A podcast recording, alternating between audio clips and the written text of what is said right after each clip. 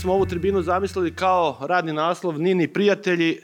Palo mi na pamet, možda je trebalo Nini državni neprijatelj, jer zapravo kako se ko pojavi kod nas, tako postaje državni neprijatelj.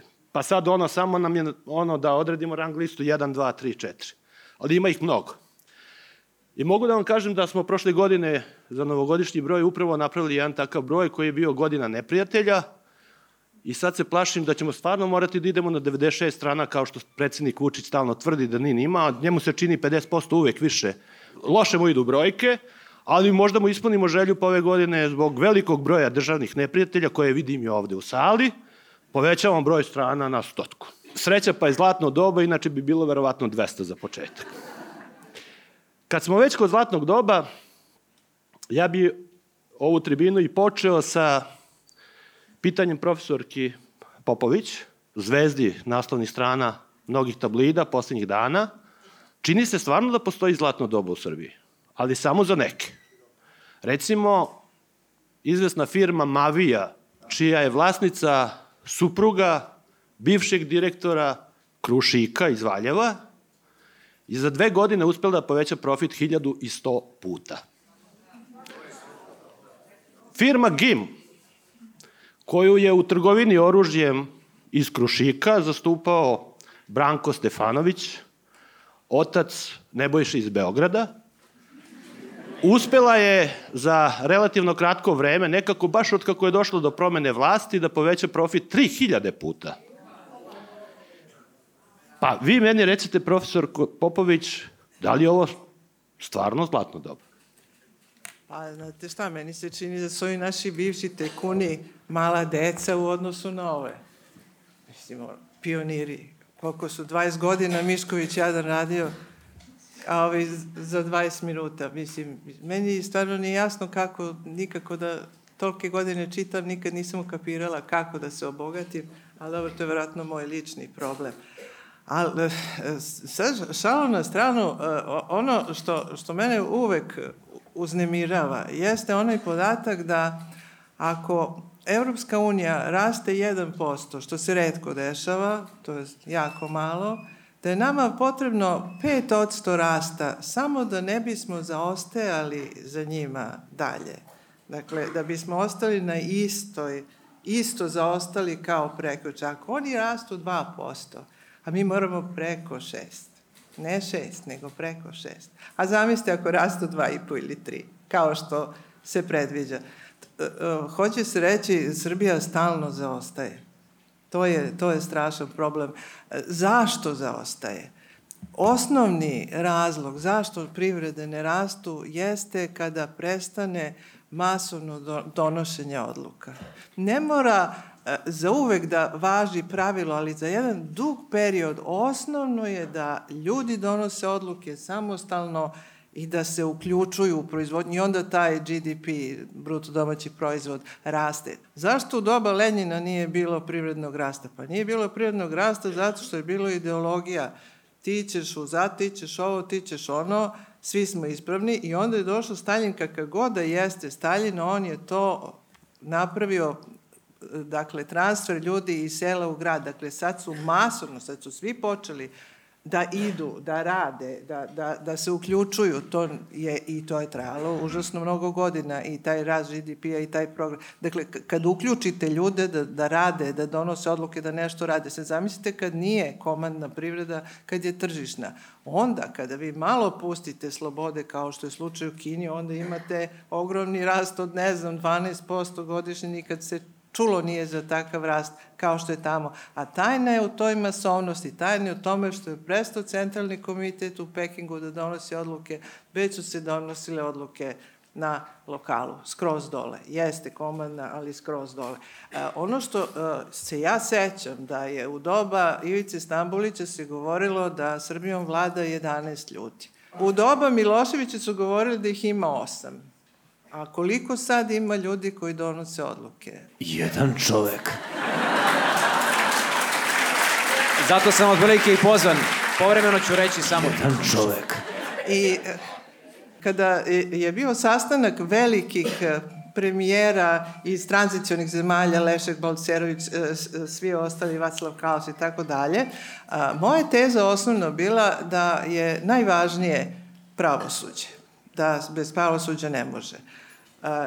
Oni su mi naravno potvrdili da je to svakako tačno i onda su počeli se žale na sobstveno pravosuđe koje još uvek nije kako treba ali su onda rekli, e, postoji nešto što je užasno njima e, važno, a onda su rekli ownership, što je vlasništvo, što ja uopšte nisam razumela šta hoće da kažu.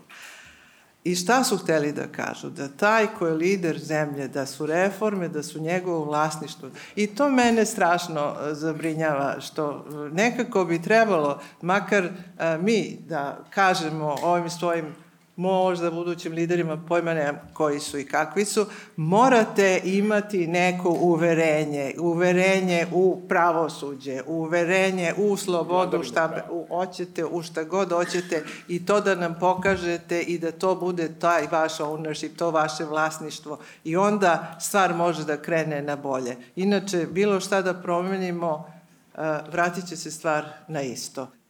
Gospodine David, svedoci smo ovih dana nekih nemilih scena koje su zadesile vašeg novog kolegu, pisca, gospodina Gorana Vesića.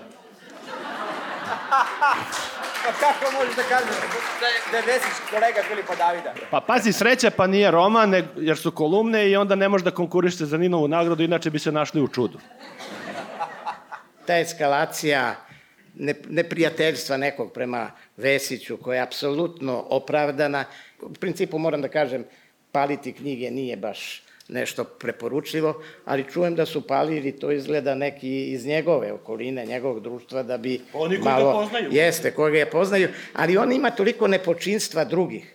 Svaki dan prolazim pored ovoga trga i prosto dobijam želju ono što je Bastać juče izjavio, da se lično obračunam, iako ne verujem, verovatno bi ja dobio batine kad bismo krenuli obračun, ali to što se radi sa tim trgom i sa sličnim trgovima, toliko je to jasno da je u pitanju korupcija, da, da prosto čovek e, ne zna šta da kaže. Ali ja bih još jednu stvar rekao koja možda vama neće mnogo odgovarati. Ja bih se osvrnuo na jednog drugog pravog pisca. To je Peter Handke koji je ovde se stvorila velika euforija oko njega. Ja ne govorim o književnoj vrednosti Petera Handkeja, ima ljudi koji ga obožavaju, ali ovde je nešto drugo u pitanju. Sam Handke je rekao da malo ga čitaju u Srbiji, malo ga i objavljuju čak u Srbiji. A kakva je onda ta euforija kad i Vulin, za koga ja pretpostavljam da nije čitao, niti ne znam da je jednu knjigu pročitao, on ga veliča kao veliku svetsku zvezdu. Znate šta, To je ono što je obespokojavajuće.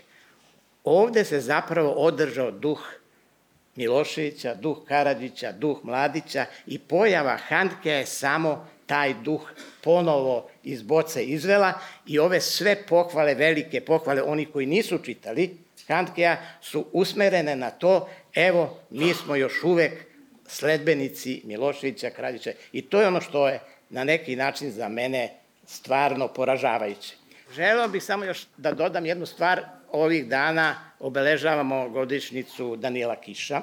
Pripaduje generaciji u kojoj su bili da, Pekić, Mirko Kovač i danas se moramo prisjetiti tragične sudbine i te generacije. Pekić je umro u Londonu, Kiš umro u Parizu, Mirko Kovač je umro u Rovinju i koristim svaku ovu priliku, ovakvu priliku pred ovoliko ljudi, da tražim, da zahtevam, da se odgovori – Zašto je pored imena Mirka Kovača pisalo ubiti i uzeti stan?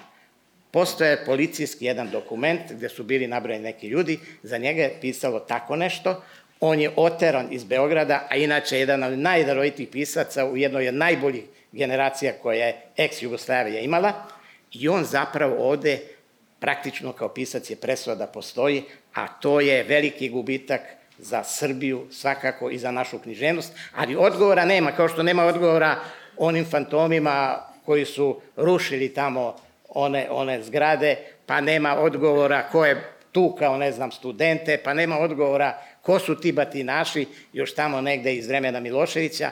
I dok mi ne uspemo da se izborimo za te stvari, da se sazna Ko to radi? Ja mislim da se ne možemo nadati bilo kakvom pomaku napred, a šta će biti vidjet ćemo.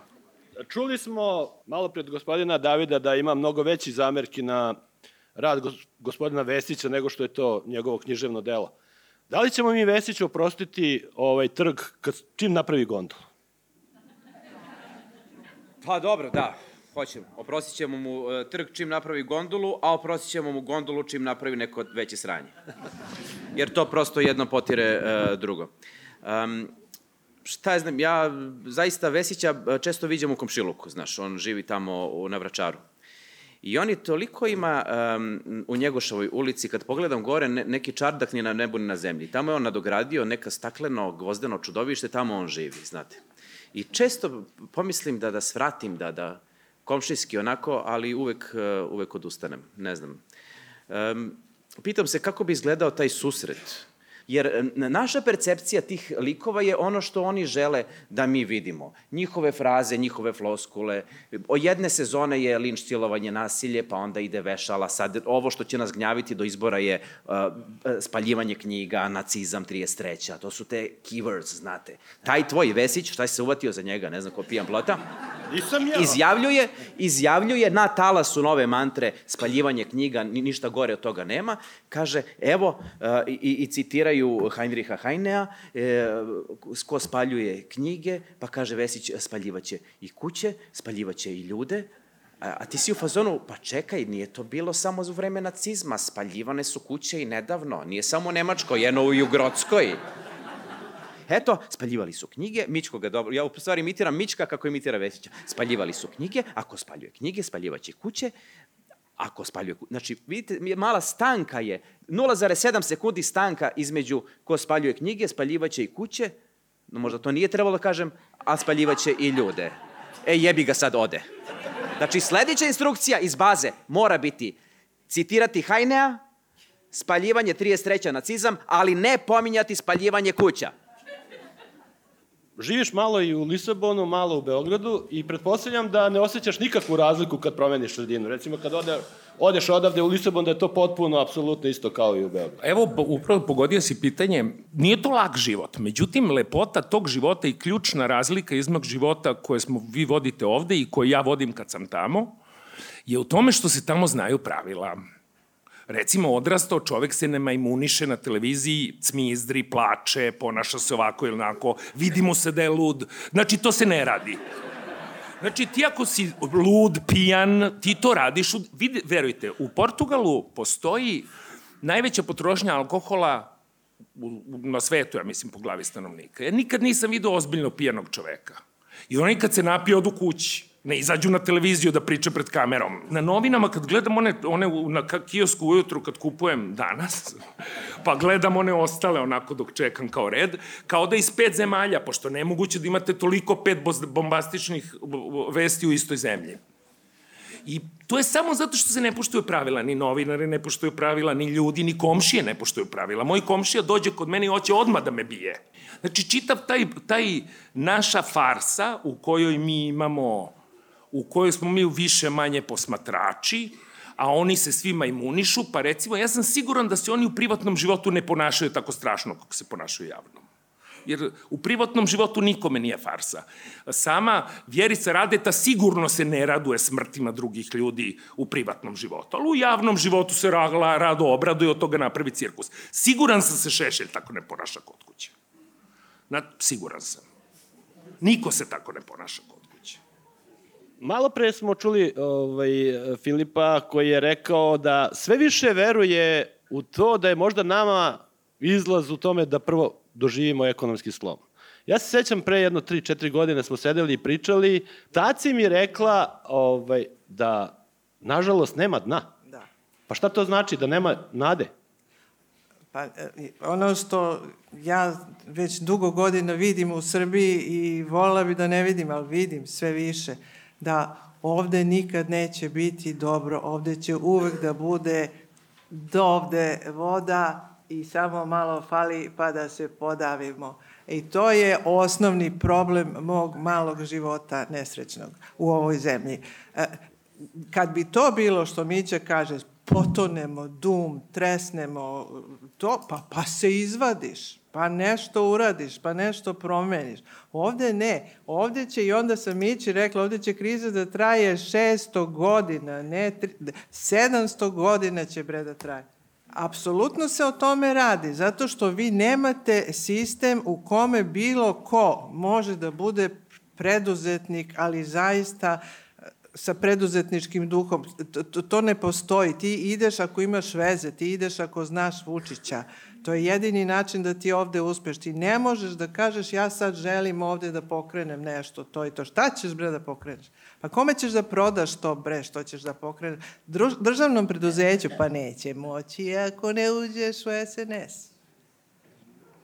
Sve je vezano. Sve je vezano u lanac. Ono, ono što je najgore i što meni je stalno Smića će da me bije, ali ja to moram sad opet da kažem. Meni ne odgovara ni opozicija koja to ne kapira.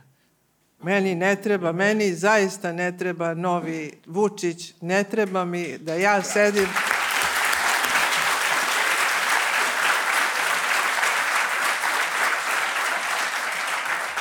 da ja doživim 2000. godinu, pa da mi neko kaže 2019. će Vučić da bude ovde predsednik i radit će to i to, a ja bi se onda, a ja onda da mi je to neko rekao, ja bi rekla ovaj budaletina ne zna šta priča, a taj budaletina ne da zna šta priča, nego sam ja budaletina koja nisam shvatila kuda priča ide. Zato nam je to strašno važno, nekako da nađemo neki sobstveni mir u tome, da znam šta gledam, da znam šta hoću, ja hoću da rastim malo, ne mora puno u prvo vreme, ali ja hoću to pravosuđe, ja hoću kad me ovaj kurir optuži kao što me optužio, da mogu da idem na sud i da ne moram da idem do Strasbura da dobijem tužbu. Dobiću je ja, ali u Strasburu za 12 godina. A, a danas je neću dobiti nikad. E to ja hoću. Hoću da se počne od tih stvari. Kogod mi nudi takve stvari, to je taj ownership, to je to vlasništvo, to već liči na to što ja hoću. Bodrijar je rekao, tamo gde ima mnogo reči, mnogo priče, mnogo galame, tamo zapravo više se ne, ne razvaja ono e, što je važno od onoga što je nevažno, ono što je suština od onoga što nije suština, a mi smo postali jedna velika, velika brbljavnica. Pa pogledajte ovi, ova naša žuta štampa ili ovi mediji sa frekvencijom nacionalnom, malo je rečeno da te užasno. To su emisije koje šalju jednu ozbiljnu, tešku, tešku poruku o tome da je sve potonulo u, u jedan porazni, užasni primitivizam što je govorio Primo Levi svoje vremeno kad je izašao iz e, logora, da se ne mogu ti užasi u logoru opisati nekim svakodnevnim jezikom. Ja mislim da i ovo što mi proživljavamo i preživljavamo ovde, da je to nešto što je vrlo, vrlo teško opisati ovim praznikavim, potrošenim jezikom koji su okruženi i koji je deo naše sudbine. Ja mislim da samo može da bude bolje. Evo, s moje strane optimizam. Ja mislim, sećate se kad je bilo 90-ih, ja sam negde krajem 90-ih, ni 90 sam cele propustio Beograd, ne znam šta se događalo, nisam ni dolazio. Na krajem 90-ih sam došao pa se odeš kući i sediš s majkom i menjaš kanale od jednom pornića na televiziji. Kao, ti si u fazonu da li je to moguće ili ne znam, ona palma, ne znam da li je gore to ili ovo. A posle se to nekako upristojilo. Pa ja mislim da će se makar po toj nivou pristojnosti, po nivou decentnosti, ipak to negde popraviti. Mora, ne može ovako da ide, dosadit će nam. Već su nam preseli. Bog ti čuo. pa ja mislim stvarno, dos, preterano je ovo. Znate, u ovom trenutku dolazi dotle Sergij im je najbolji. Sergij je uzeo njihovu, njihov, njihov žanr. I on igra farsu s njima, eto, nek se oni zabavljaju, što ne moram baš svi to da gledamo.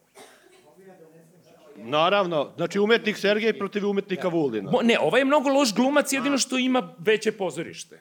E, ja sam obećao na početku dana da ću ovaj, da te pitam nešto, po čemu si postala ovaj, uh, zvezda, celebrity, tako je. Reč je o ovaj, optužbama raznih vrsta. Prvo je bila jedna optužba uh, da si naplaćivala ispite, a sada uh, te optužuju za plagijat. E sad, ono što, što se meni u celoj toj priči ovaj, učinilo zanimljivije što bih voleo da te pitam, da li si ti spremna da ideš na poligraf, da bi odgovorila na te optužbe, s obzirom da se priča da je da te oni koji optužuju da se radi između ostalog i jednom jako bliskom rođaku šefu BIA, pa čini mi se oni mogu da obezbede bar poligraf da, da vidimo o čemu se tu radi. A ja moram prvo da kažem, jeste bez veze, ali da bi ja užasno volila da idem jednom na poligraf u životu. A mislim, baš mi interesuje kako. Ono, kad slažem, šta će da kažem. A, ali sad, dobro, tema je, što je rekao jednom Makavejevo, ovo je tema na koju nikad neću moći da se smejem baš a, do kraja. A, ono što je meni odmah postalo jasno jeste je da sam ja paravan za zataškavanje plagijata Siniše Malog. To je prva stvar. Druga stvar je osveta za sve što govorim i što ljudi na neki način podržavaju. I postoji i treća stvar, a treća se zove zastrašivanje. Dakle, potrebno je zastrašiti mene da se ja više ne pojavim, a boga mi i vi kad vidite kako ja prolazim, pa nećete ni vi dolazi pitanje, a zašto nisi htjela da se oblatiš javnosti? Pa šta da kažem? Da kažem nisam ništa radila. Onda sam posle saznala šta da kažem javnosti i to je Nin objavio, a javnosti mogu da kažem da je student koji me optužio, da se javno hvali, da je bliski rođak Bate Gašića, dakle da se tu radi o političkoj stvari, to više sa mnom nema veze, da bliski rođak Bate Gašića na dan posle mog, dakle, mog, kako se zove, intervjua na N1, da se pojavljuje predsjednik Vučić koji kaže da Dana Popović napada pa po imenu prozove sestrića. Da ja baš tog sestrića proganjam i to e, na svojim predavanjima zbog toga što je on izrekao suprotno mišljenje. A on, kao što je Miće rekao, njegovo mišljenje je bilo da ja prodajem ispite. Ako uh, oni hoće da prave to što rade, da u Skupštini Srbije uh, rođak Bate Gašića kaže Šarčeviću koga treba da stave u toj komisiju koja će da sudi ovoj, ovom idiotizmu, ovoj gluposti, pa onda taj jadan nacionalni savet koji je deo SNS-a, koji je njihova mašina, automatski smeni najboljeg stručnjaka dakle, evropskog, srpskog sigurno, za autorska prava, pa njega smene zato što je moj prijatelj, a s tim prijateljem nisam ni jednu kafu u životu popila. Ja sam sa Šarčevićem popila kafu jednom u životu. Pa i s ovim čovekom sam jednom u životu. Pa ako sam i sa Šarčevićem prijatelj, ubite me. Evo, kriva sam, ono, pucajte. Nema.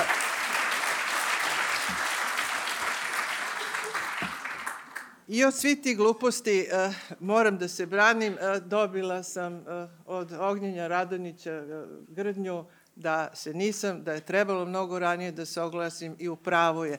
Odabrala sam da to bude baš ovaj skup jer vama verujem. I hvala vam.